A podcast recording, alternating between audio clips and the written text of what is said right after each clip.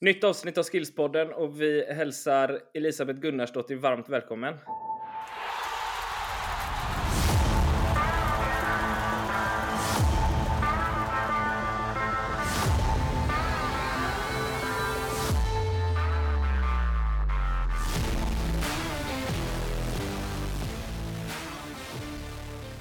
Tack så mycket. Äntligen. Underbart att ha dig här. Tränarerfarenhet och lite spelarerfarenhet. Du slutade ju tidigt själva. Ja, precis. Du har varit tränare länge. Jag klassar min erfarenhet som tränare lite högre än eh, spelarerfarenheten. Lite. Mm. Ja, jag fattar. Jag läste att det var ett, eh, en, ett benbrott som, som eh, inte satte stopp, men som ändrade riktning på din karriär. Stämmer Ja. det? Det stämmer. Ja. Vad hände? Nej, men det var, jag bröt benet och det var i, i den vävan där jag tänkte sluta och spela fotboll och börja hänga med kompisar som höll på med lite andra roliga grejer. Så, så bröt jag benet och kunde då inte vara så mycket ute på kvällarna. Fick av en slump en eh, Phil Curver eh, videokassett hette det då, VHS, med en massa Det vet Anders vad det är. Ja, Ja, det vet han. det vet han du, du är född 76 så att, eh, du vet exakt vad jag menar. Curve coaching heter det. Så, Ja. så eh, jag eh, satt hemma fortfarande kvar med passionen för fotboll. Men eh, motivationen för att fortsätta träna fanns inte kvar. Men då började jag titta på denna och bli helt såld på både lära mig allt som fanns på den men kanske också lära ut andra det jag hade missat. Ja, det, det, det uppstod en liten irritation i att varför hade du inte lärt dig de här sakerna själv som spelare, som du såg på kassetten? Ja, men jag tyckte att jag hade värdelösa tränare som eh, visste inte vad de sysslade med och, och höll på med. Både så tyckte jag att det fanns ett utbud med övningar som jag aldrig hade sett eh, och det, det blev jag bitter över. Och sen samtidigt så var jag inte en av de eh, bästa spelarna utan eh, jag var ju närmare den andra änden. Och jag tyckte att jag hade tränare som såg inte de spelarna utan man såg bara de som var bäst. Mm. Mm. Och hur, gam, hur gammal var du när du bröt, ben- när du bröt benet då? 16. 16. Så du har varit tränare sedan dess egentligen? Ja, sen eh, tre månader senare. Då började du gå utbildningar direkt då på, på Island, eller? Nej, det gjorde jag inte, utan jag tränade nu i några år innan jag började ta utbildningarna. Men eh, jag började som assisterande tränare i två lag och, och egentligen bara från dag ett så var jag all in i detta och, och tog åt mig fler och fler tränarroller. Så eh, när jag var 18 så var jag huvudtränare för tre ungdomslag. Tre lag samtidigt? Ja, Det låter Det- som att du hade mycket, mycket fritid över. Ja, men ja, det är det. Jag tycker faktiskt att det ska vara, finnas eh, fler sådana idag som, eh, som verkligen går all in och ser det som status att vara ungdomstränare och att du tar åt dig mer än att vara huvudtränare för ett ungdomslag och kräva att du ska ha fyra assisterande och lagledare och vattenbärare och allt vad det heter. Utan man har faktiskt två händer och, och, och t- två ben. Man kan göra ganska mycket när man är ung och full av energi. Så jag tycker att det är ibland lite för mycket gnäll istället för passion och vilja till att eh, göra mer. Än, än, för man klarar faktiskt av det. Det är väl right up your alley, Anders, va? Klara mer än vad man eh, tror? Eller vad tänker du? Ja, och liksom vilja ha mer passion och engagemang och, och sådär från tränare generellt. Ja, men jag, jag, älskar, jag älskar ju det när man har passion och engagemang och man brinner för att utveckla spelare och lägga ner, som en eldsjäl som du redan då vid 18 års ålder liksom brann för att hjälpa, det var inte ett lag utan tre lag samtidigt. Eh, jag är väldigt intresserad av det. Hur många var det? Vilken ålder hade de? Hur många, hur många var de i varje, varje lag? Jag tycker jag är fullt upp och jag tränar själv ett lag eh, på nästan 40 killar då, som är eh, 12 år. Och det tycker man är fullt upp eh, och ha koll på det då. Så hur löser du tre lag? Nej, men där, där var ju kanske skillnaden att jag, jag fick ju ett lag och det var 25 stycken i det laget. Mm. Och sen startade jag upp de andra två. För det fanns eh, inga lag under nio tror jag det var då. Ja. Så, så jag startade upp eh, två nya ungdomslag som var... Vi har två årskullar i varje lag på Island. Så Ja. du, det är alltid så. Det är bara att det är 10-11-åringarna tillsammans, 12-13-åringarna tillsammans och så vidare. Så, så jag startade upp två nya lag, då är det fyra årskullar då som var nya. Och, och började från att, att hitta fem spelare till tio spelare. Och jag tränade tre lag som huvudtränare i åtta år faktiskt. Så, och då gäller det att hitta duktiga assisterande tränare, engagerade föräldrar med sig. Men jag la träningarna efter varandra och spenderade hela kvällen på anläggningen. Eller hela dygnet kanske. Men det är också dels att du brinner för det, men också att du vill utmana dig själv och eh, utbilda dig själv liksom att, eh, och lära dig. Antar jag. Det är ju del engagemanget dels i, i barnen och ungdomarnas, men också för dig själv. För du är 18 år vid den tiden liksom och, och brinner för eh, tränarjobbet och liksom bli så bra Precis. Då tänker jag. Sen är det så här, du, du tränar ungdomslag så är ju kanske att, att jag som huvudtränare håller i alla matcher när de spelar när de är 8-9 år. Det är inte så viktigt. Utan eh, det kan faktiskt föräldrarna sköta ganska mycket. Men eh, det är inga problem att driva tre träningar i rad. Det, det var mitt jobb. Och det är det som är skillnaden lite mellan Sverige och Island. Att det, det är status att vara ungdomstränare. Och om du tränar ett ungdomslag så, så får du ganska bra betalt för det också. Så det var ett heltidsjobb. Mm. På Island? Ja. Mm.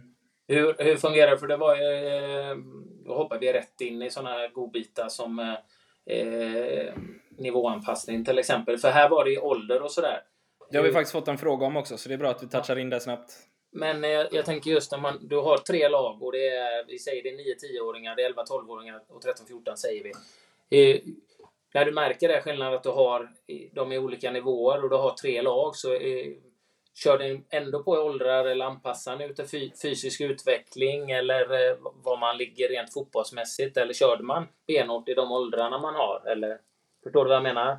Mm. del- du kan ha en 11-åring som är superduktig och skulle vara med kanske, eller vara med 14-åringar. Du kan ha en 14-åring som kanske egentligen skulle få mer ut av fotbollen och sin delaktighet och träna med de som är 12 istället för de som är 13-14 och, och så vidare. Fungerar det så eller körde man benhårt i den åldern man var? Alltså jag, jag älskar systemet på Island. Jag tycker det är det bästa systemet i världen, på riktigt. Så, och då har jag sett mycket. Jag har, faktiskt, jag har faktiskt rest över halva världen för att se hur fotbollsklubbar drivs i, i olika länder. Och, för jag ville också, innan jag kom till Sverige, ville ju se i vilket land jag ville landa i. Och, Mm. Så, så man har sett olika grejer och det jag såg direkt i Sverige som lockade mig hit var att eh, det är taktiskt eh, mycket, mycket bättre än vad det är på Island. Vi, på Island är vi inte, Eh, vi är inte världsbäst på eh, taktik helt enkelt. Eh, men systemet på Island, det, det handlar om att från att du börjar träna fotboll så är det två årskullar i, varje lag. Så det spelar ingen roll om du är, du är 6 och 7, 8, 9, 9 och sen 10, 11 och så vidare. Så är det bara. Och när man då säger att jag tar över det här laget i oktober, eh, börjar eh, titta lite på hur gruppen ser ut, säg att jag har 40 spelare, så tränar alla samtidigt mellan eh, sex och halv åtta. Och eh, sen börjar man så småningom att dela upp dem i lite övningar utifrån eh, deras nivå. För att matchandet är alltid i A-lag, B-lag, C-lag, D-lag, E-lag om man har så många spelare. Och eh, de tränar alltid på samma tid, men de spelar utifrån eh, nivåanpassning. Så eh, många skulle säga att det är toppat lag då direkt från att man är sex. Ja, det kan vi säga att vi gör. Fast egentligen är det inte så. Det är nivåanpassat. Så du spelar alltid fotboll i matcher ut med de som är... Med jämlika. på Ja, så är det. Och det innebär att du kommer röra bollen oftare. Du kommer, du kommer bygga bättre självförtroende i de matcherna. Eh, här tycker jag att, att man dödar självförtroende hos spelare ofta genom att de spelar med spelare som är för bra och du vågar knappt gå in på plan och du, du gör upp att du har ont i magen eller, och så vidare. Och så tycker de som är så pass bra att det är, det är för jävligt. Eh, förlåt svenskan då här nu, skånskan. Du får, svär, du får svära. ja, att man tycker att det är för jävligt att man ska spela med så pass dålig spelare som har kanske precis börjat eller har inte kommit långt i sin utveckling. Men på Island så blir detta aldrig ett problem. Utan eh, du spelar i ett A-lag, B-lag, C-lag, och D-lag och du vet att du kan när som helst uppgraderas eller flyttas ner. Men vi tränar alltid samtidigt med lagen. Ibland blandar man dem helt och hållet och ibland delar man upp dem på träningen också. Och du är uppfostrad inom ett system där detta är helt normalt. Det är ingen som gnäller över att någon ska bli bättre än någon annan och så vidare. Hur, hur, hur är det du säger att eh, du kan när som helst eh, byta lag? Är det så att du från en vecka, en som är i C-laget, säger herregud vad han eh, har utvecklats nu, hans självförtroende har växt. Då kan han nästa vecka vara med i B-laget, liksom gå upp en nivå. Exakt. Eh, och, för det, då är du då är du inne på det här du säger toppning, men det här är ju inte toppning, det här är ju nivåanpassning. Och det är, det är väldigt många som i Sverige som blandar ihop dem och jag tycker det är fel. Nivåanpassning handlar ju inte bara om att ta hand om dem som ligger långt fram, som många föräldrar då kommenterar, eh, utan det är ju faktiskt att ta hand om alla, för du har ju många som kanske har en del boll i sig, men som ligger fysiskt e- efter och inte, våg, inte vågar, för, för de andra är större och liksom då får den ju ingen delaktighet. Den rör bollen kanske två gånger på en hel träning och den står och gömmer sig. Men hamnar tränar med sådana som är på sin nivå så ta, är den ju mer delaktig, får massa touch och växer, då växer självförtroendet och så utvecklas de. Och då, när man är mer delaktig, så känner man en större glädje. Så jag är ju helt för nivåanpassning. Eh, sen är det ju viktigt att vi har kloka, vettiga ledare då som kan hantera det på ett bra sätt. För du är inne på det, många ungdomsledare ser ju väldigt mycket prestige i det liksom. Och tar man ut ett lag, ofta tar man ut ett lag som är i unga åldrar som kan vinna kortsiktigt, tar man ju ofta de som är fysiskt långt, längst fram. Men det handlar ju om du, när du tränar i Island så det är inte så att du lägger ner 90% av din energi på A, A-laget utan du lägger ju på A, B, C, D. Alla får din uppmärksamhet. Precis, och där vi har en kupp kanske så, så är det bara bestämt att klockan åtta har jag A-laget, klockan eh, sen krockar det klockan tio, då har jag B-laget. man delar upp det och, och, det är väldigt viktigt där att man ser till att alla känner sig viktiga när det kommer till, till eh, styrning av matcher. Och, och sen är det också så här, man kan ställa så mycket högre krav på närvaro på träningar till exempel. Eh, där du spelar inte i A-laget om du tränar en gång i veckan. Så har du handboll och väljer att träna handboll flera gånger så kan du fortfarande träna i detta laget, men, eller med detta laget, men du kanske spelar med C då. Så helt plötsligt får C kanske en eh, lite bättre spelare där för att eh, han eller hon väljer någon annan idrott. Så det ska aldrig vara så att bara för att du är bra så spelar man A, men den som verkligen kämpar och, och är nära till A får då chansen i A istället. Så Mm, ja, det här, här, är jag, här är jag inte med Elisabeth då. Vilket är bra visserligen. Men för, mm. det, för det här har vi eh, liknande problem här, här hemma. Där eh, min son till exempel spelar både fotboll, och eh, innebandy och handboll. Och, eh, jag tycker ju att han, om han nu är på en nivå 1, om vi säger nivå A då, på Island. Men han, nu är det ju lite mer handbollssäsong. Vi, vi tittar, nu börjar november. Och då, eh, då kommer jag ju upp okej, okay, krocka träningen så är det helt okej du väljer handboll. Men det är ju fortfarande närvaro för mig för han kör handboll. Och, och är han fortfarande bättre så tycker jag såklart han ska inte straffas i fotbollen att få spela en kupp med B-laget för att han har tränat mindre än en som ligger efter honom i utveckling. Eh, så, så, så där tycker jag, det här med närvaro tycker jag är, är, är svårare. Eh, och eh, där, där håller jag inte med. Därmed inte sagt att eh, jag har rätt och du har fel. Man tycker olika. Men jag tycker det här, det är skillnad om du, de väljer att tacka nej till en träning för att de vill ligga hemma och spela tv-spel eller någonting. Men jag tycker ju det Jag måste nog förtydliga lite också att ja. detta är ju inte i alla åldrar heller. Nu har vi kommit lite längre upp. Så, ja. Nej, men det så, köper jag. För ju äldre ja. du blir så blir det ju mer påverkande såklart. För det som är annorlunda också på Island jämfört med Sverige, det är att de yngsta barnen, de tränar alltid på dagtid. Så de tränar ju på fritid, alltså istället för på fri, fritid i skolan. Så är Ja. det på en träning. Ja. Så då, då kommer en buss och hämtar barnen på skolan, kör dem till idrottsanläggningen. Och då egentligen får du en närvaro oavsett om du har basket eller fotboll eller handboll eller vad det nu är. Så, eh, och flesta klubbar på Island har ju alla sporterna. Så, att, Ja. eh, så jag springer bara in i nästa hall och pratar med handbollstränaren. Eh, "Är- Är hon här idag eller är hon där imorgon eller hur funkar Ja. det? Så att eh, det, det är så mycket som är annorlunda, om man får säga så. Så det, det är väldigt mycket samverkan mellan idrotterna, men, men allt sker på fritidstiden. Fram till att, eh, att du går upp till eh, högstadiet. I vilken ålder skulle du säga att den här med, det här med träningsnärvaro börjar spela in? Jag är väldigt fast på 14-15 där.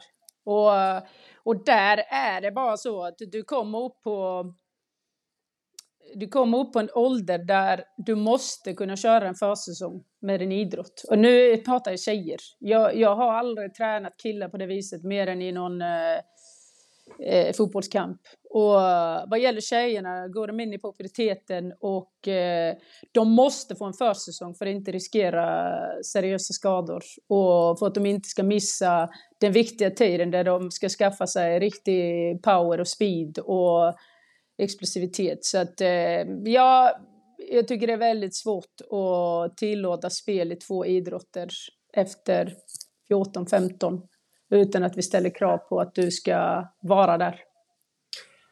När du kommer upp i den åldern så blir det ju mer, eh, då påverkar det mer om du missar träningar. Det, det kan jag hålla med om. Från 14 så, så är det så, då blir det lite mer allvar. Du, du kanske behöver eh, liksom kombinationer och då är- missar du eh, Exakt. flera träningar för att du kör fotboll. Liksom, nu, eh, har vi Och det påverkar ju alla de idrotterna man håller på med. Ja. Ska jag säga. Ja, ja. Och, Mm, mm, mm.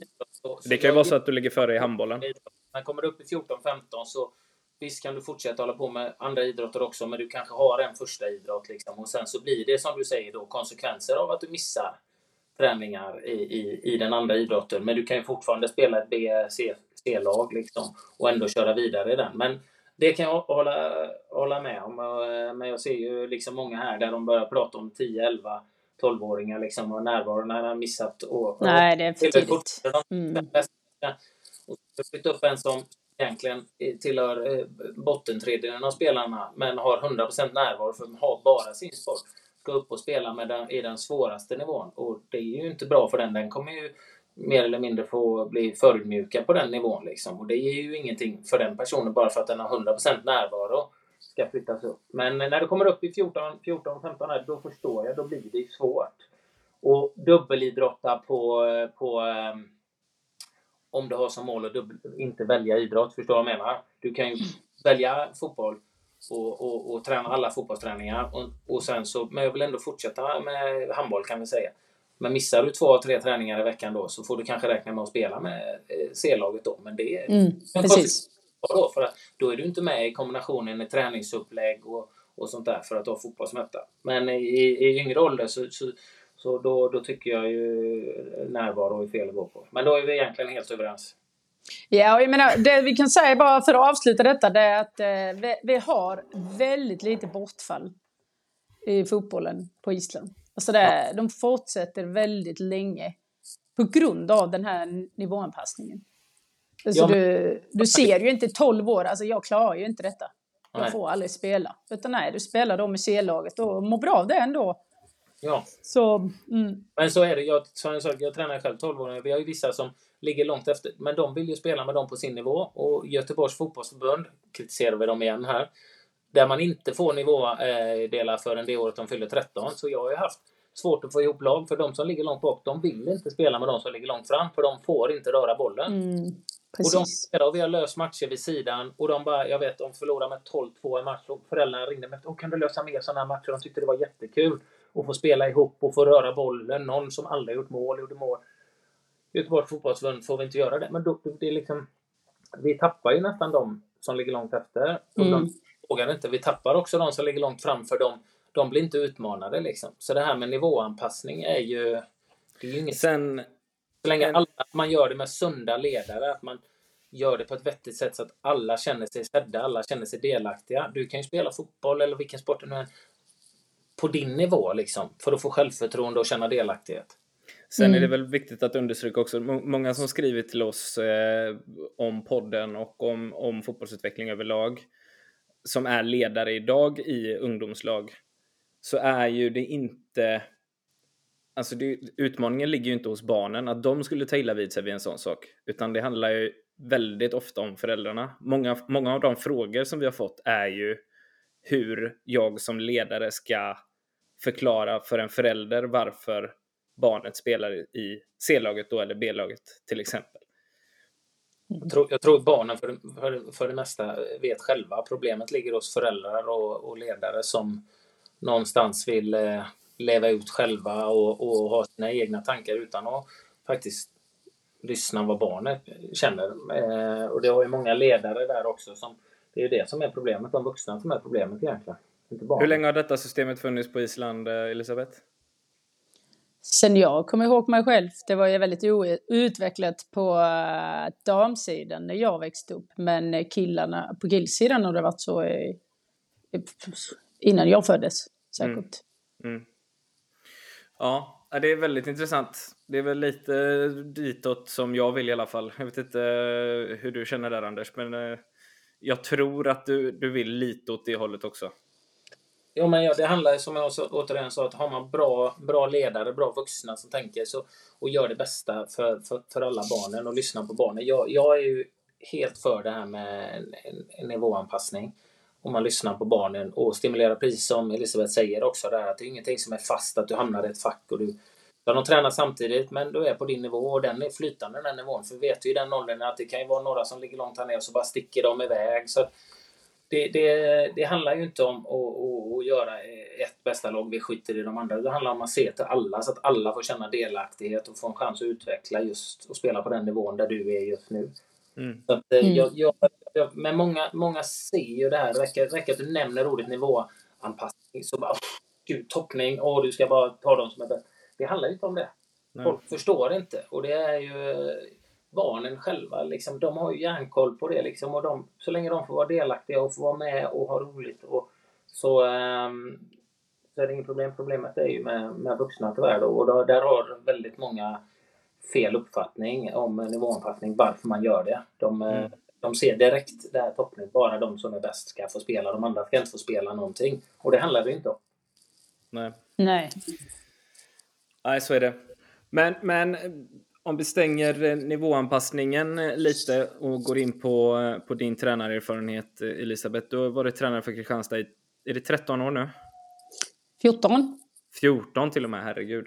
Mm. Vad, vad, ser du för utveckling på, på de sidan i, i svensk fotboll? Vilket håll går vi mot så att säga? Vi ser ju stora klubbar i, i, ute i Europa som satsar väldigt mycket på, på damfotbollen. Sverige har alltid legat väldigt långt fram på damsidan. Eh, vi pratade med i tidigare avsnitt om, om eh, allsvenskan och herrsidan. Att vi kanske inte, vi kanske ska acceptera våran roll istället för att sträva mot att bli bättre, liksom lite åt det hållet. Men, men jag är inne på att vi kan, även om, om andra klubbar pumpar in massa, massa resurser och har fina faciliteter och träningsanläggningar, Bayern München, Lyon, eh, Arsenal, Chelsea och så vidare, så kan vi göra mer med de resurserna vi har. Ja, du pratar med en tränare som har en spelarbudget på 4 miljoner. Ja. Eh, så... Eh, du får såga mig hur mycket du vill. Ja, så har vi lag runt om oss i serien där jag vågar påstå att de har 10, 11, 12 kanske miljoner i spelarbudget. Så, eh, så jag kommer aldrig acceptera att för att vi har mindre resurser än dem, då kan vi inte slå dem. Det är för mig en uh, omöjlig mening att ta in. Det, mm. jag, jag tycker att det handlar om att vara strategisk, eh, veta hur man vill bygga upp sin miljö. Vad, vad, vad är det för DNA du vill bygga i din klubb? Hur ska våra spelare se ut? Allt från att de kommer in och spelar i oavsett om de värvas in när de är 14 till klubben eller de växer upp som 10-åringar eller kommer in som 33-åringar. Du kommer in i en klubb där det är det här som gäller och för mig är det lite samma sak om vi ska prata Island eh, kontra Sverige eller Sverige kontra England. Vad, vad vill vi? Vad accepterar vi? Alltså, eh, det måste pratas mer mentalitet samtidigt som vi ska prata eh, taktik och teknik och, och så vidare. Och eh, vad gäller damfotbollen så tycker jag att snacket går alldeles för mycket åt det hållet att nu kommer Juventus och AC Milan och Liverpool och, och, sen, så, och, så, och sen till Sverige, Hammarby och AIK och alla ska ha damlag och resurserna ska komma därifrån och nu blir det svårare och svårare för klubbar som Kristianstad kontra Hammarby eller Hammarby kontra AC Milan. Eh, jag, jag tycker detta är jag gillar inte den frågan för att jag tycker att man ger upp. Det är det jag ser. Och då ger man upp och ska tillbaka till att vi ska bara träna vi ska bara träna då eh, spelare för att de ska till större klubbar där ute. Och varför ska vi inte kunna uppfostra spelare som kan vinna SM-guld i damallsvenskan? Jag fattar inte. Vi var inte många poäng för från att och verkligen eh, krika om det här guldet i år. Mm. Eh, men det, man behöver pricka väldigt mycket rätt för att lyckas. Samtidigt så behöver en klubb som vi, vi kan inte bara ha för mål att vi ska vinna ett SM-guld. Vi måste ha ett mål att vi ska sälja spelare också till de större klubbarna för att vi ska kunna driva en bättre talangutveckling. Eh, vi måste anställa tränare för att det ska vara så bra som möjligt. Var, varför kan Island vara med i VM på herr och dam? Var, mm. Jag hör ofta så här, vi lilla nationen Sverige, vi har, vi har bara 11 miljoner. Men vi lilla nationen Island, vi, vi har ju bara 360 000. Och det är inte en människa på Island som pratar om att vi ska acceptera att vi är lilla nationen och vi kan inte tävla mot de stora. Det är ingen som pratar så. Jag har aldrig hört det. Aldrig. Inte en människa. För att mentaliteten är så stark i oss att eh, vi ska vinna Eurovision med våran låt för den är bäst. Vi ska vinna Gotia Cup med, det åker du vet 40 olika lag från Island till Gotia Cup varje år. För de ska vinna i sina eh, åldersgrupper. Alla tror mm. det. Och hur mm. många lag ser ni inte, isländska lag, ser ni inte i finaler och semifinaler i Gotia Cup? Mm. De är inte bättre fotbollsmässigt än många av de lagen som de möter. Men de är väldigt mycket bättre i skallen. Mm. Så. Så, ja, men, ehm, precis, det är det jag menar. Mm. Resurserna kanske inte styr allt, utan det kanske är andra saker som vi kan göra istället. Eller? Ja, ja jag förstår ju att resurserna styr väldigt mycket.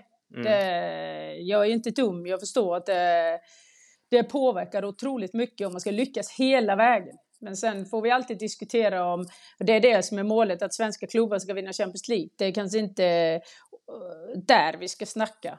Men att vi ska kunna vara med, nu pratar jag om fotboll, att vi ska mm. kunna vara med i gruppspel med två eller tre lag. Det tycker inte jag är orimligt.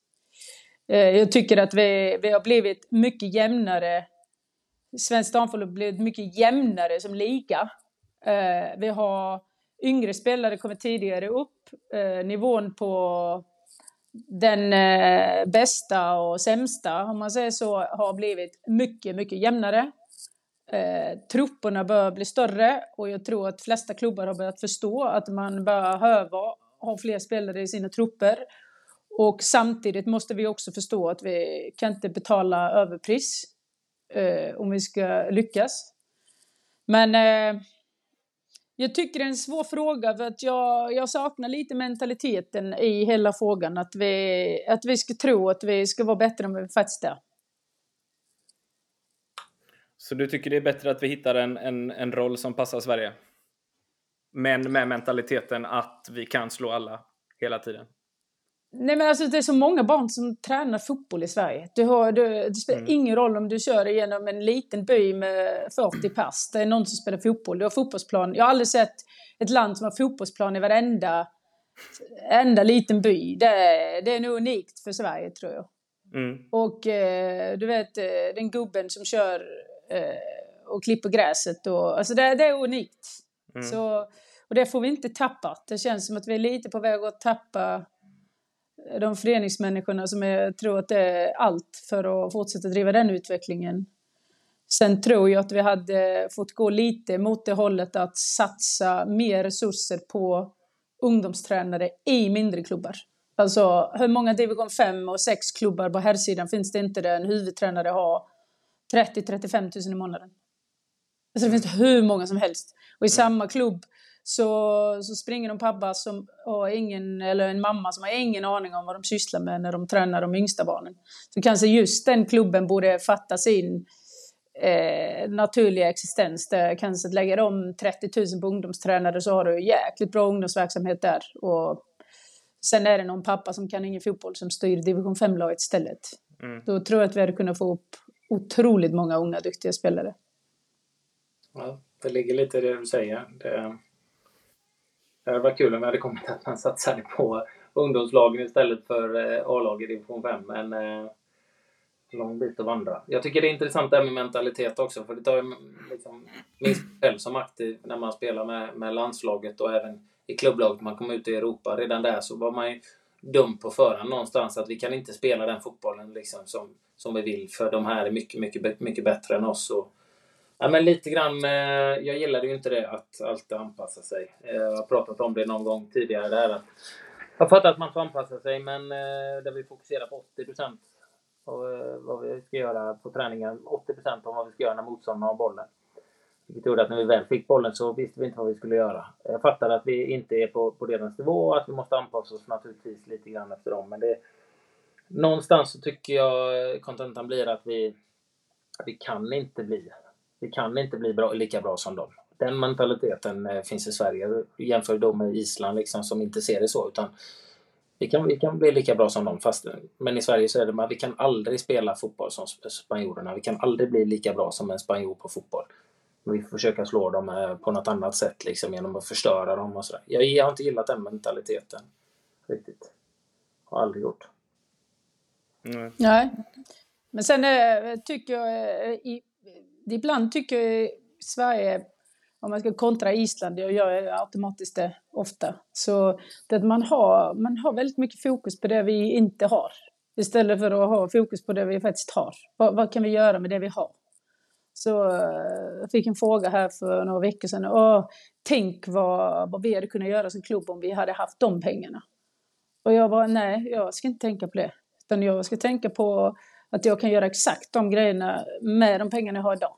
För att eh, jag har ju faktiskt valt att vara tränare här i 14 år. Med mm. ganska små resurser. Väldigt små resurser. Mm. Men eh, sen har jag kanske någon eh, galen idé om att det ska kunna gå.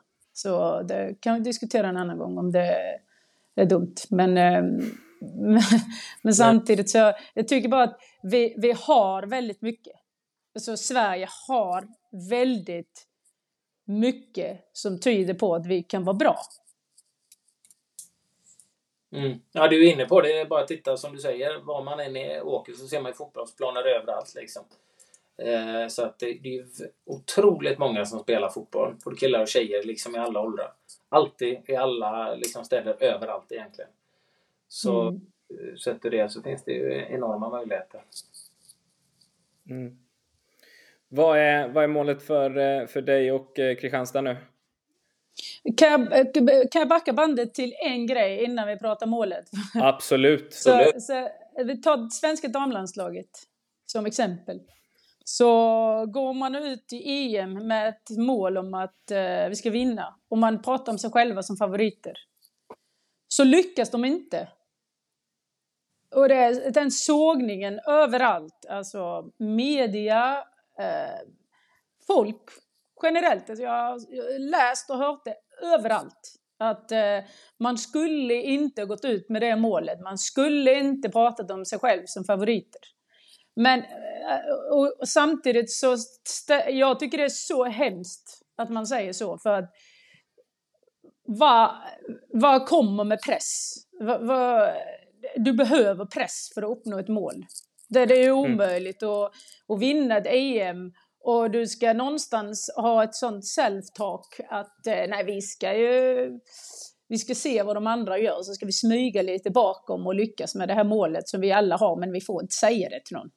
Eh, jag, har, jag har nu sällan sett ett lag vinna VM-guld eller EM-guld eller OS-guld där de bara ska smyga som grekerna när de gjorde 79 mål på fasta situationer på EM någon gång på mm. herrsidan. Mm. Mm. Det, det kanske kan hända men Sverige spelar så pass bra fotboll och har slått så pass många motståndare. Man går igenom ett helt år utan att förlora en fotbollsmatch. Om man ligger två eller trea på, på världsrankningen.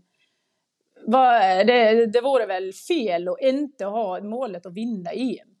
Ja, men det, jag håller med. Typiskt svenskt. Det är typiskt svenskt att du får inte du får inte säga så. Utan det ska vi bara vara underdogs och vi ska gärna... Vi får inte säga, gå ut och säga det som svensk att vi är... Eh, det är vår mentalitet där ju.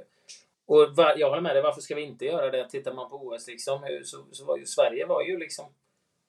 Ja, vi, vi är en, vi är en straff liksom, ifrån att vinna Ja, ja, absolut. Eh, ja. Kanske bäst av alla, alla länder. Ja. Och, eh, utan tvekan en av de tre, tre, fyra bästa. Och det är klart att man ska ha som målsättning att vinna då. Men i Sverige är det ju tyvärr fult att gå ut och säga det. Och mm. är det så att det då inte blir så, som i detta fallet, då är alla svenskar där ute för att och, och, och såga det. För att det Ja. Då, då, då, har man den här skadeglädjen liksom. Gick man ut, man trodde på laget för vi har ett fantastiskt lag. Vi ska vinna. Mm. Det är det. Oj, oj, oj. Det är nästan så att folk gnuggar händerna och bara väntar på att när de inte gör att det inte ska gå, ja. Höra. Mm. höra. Ja, bara för att man har haft den målsättningen. Och det, det, det känns lite jobbigt att följa faktiskt. För att jag, jag, för mig, ett högt mål, eh, det är nog eh, moroten för min vardag. Alltså om inte jag har högt mål så då, hade jag, då ska jag jobba i en bank eller någonting. För jag, då vill inte jag vara med i det här. Och det är, inte, det är inte själva målsättningen, alltså vad du får när du lyckas, utan det är vad du gör med dig och vad du gör med laget.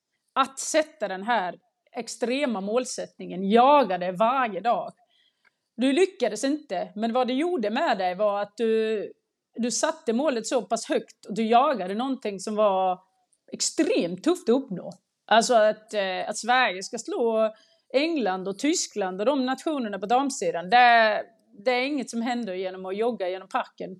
Men sätter vi inte målsättningen så, då kommer vi inte heller göra det. Så jag tror inte att vi hade spelat en OS-final och varit eh, straffen ifrån att vinna om inte hela gruppen hade pratat varenda sekund tillsammans om att vinna.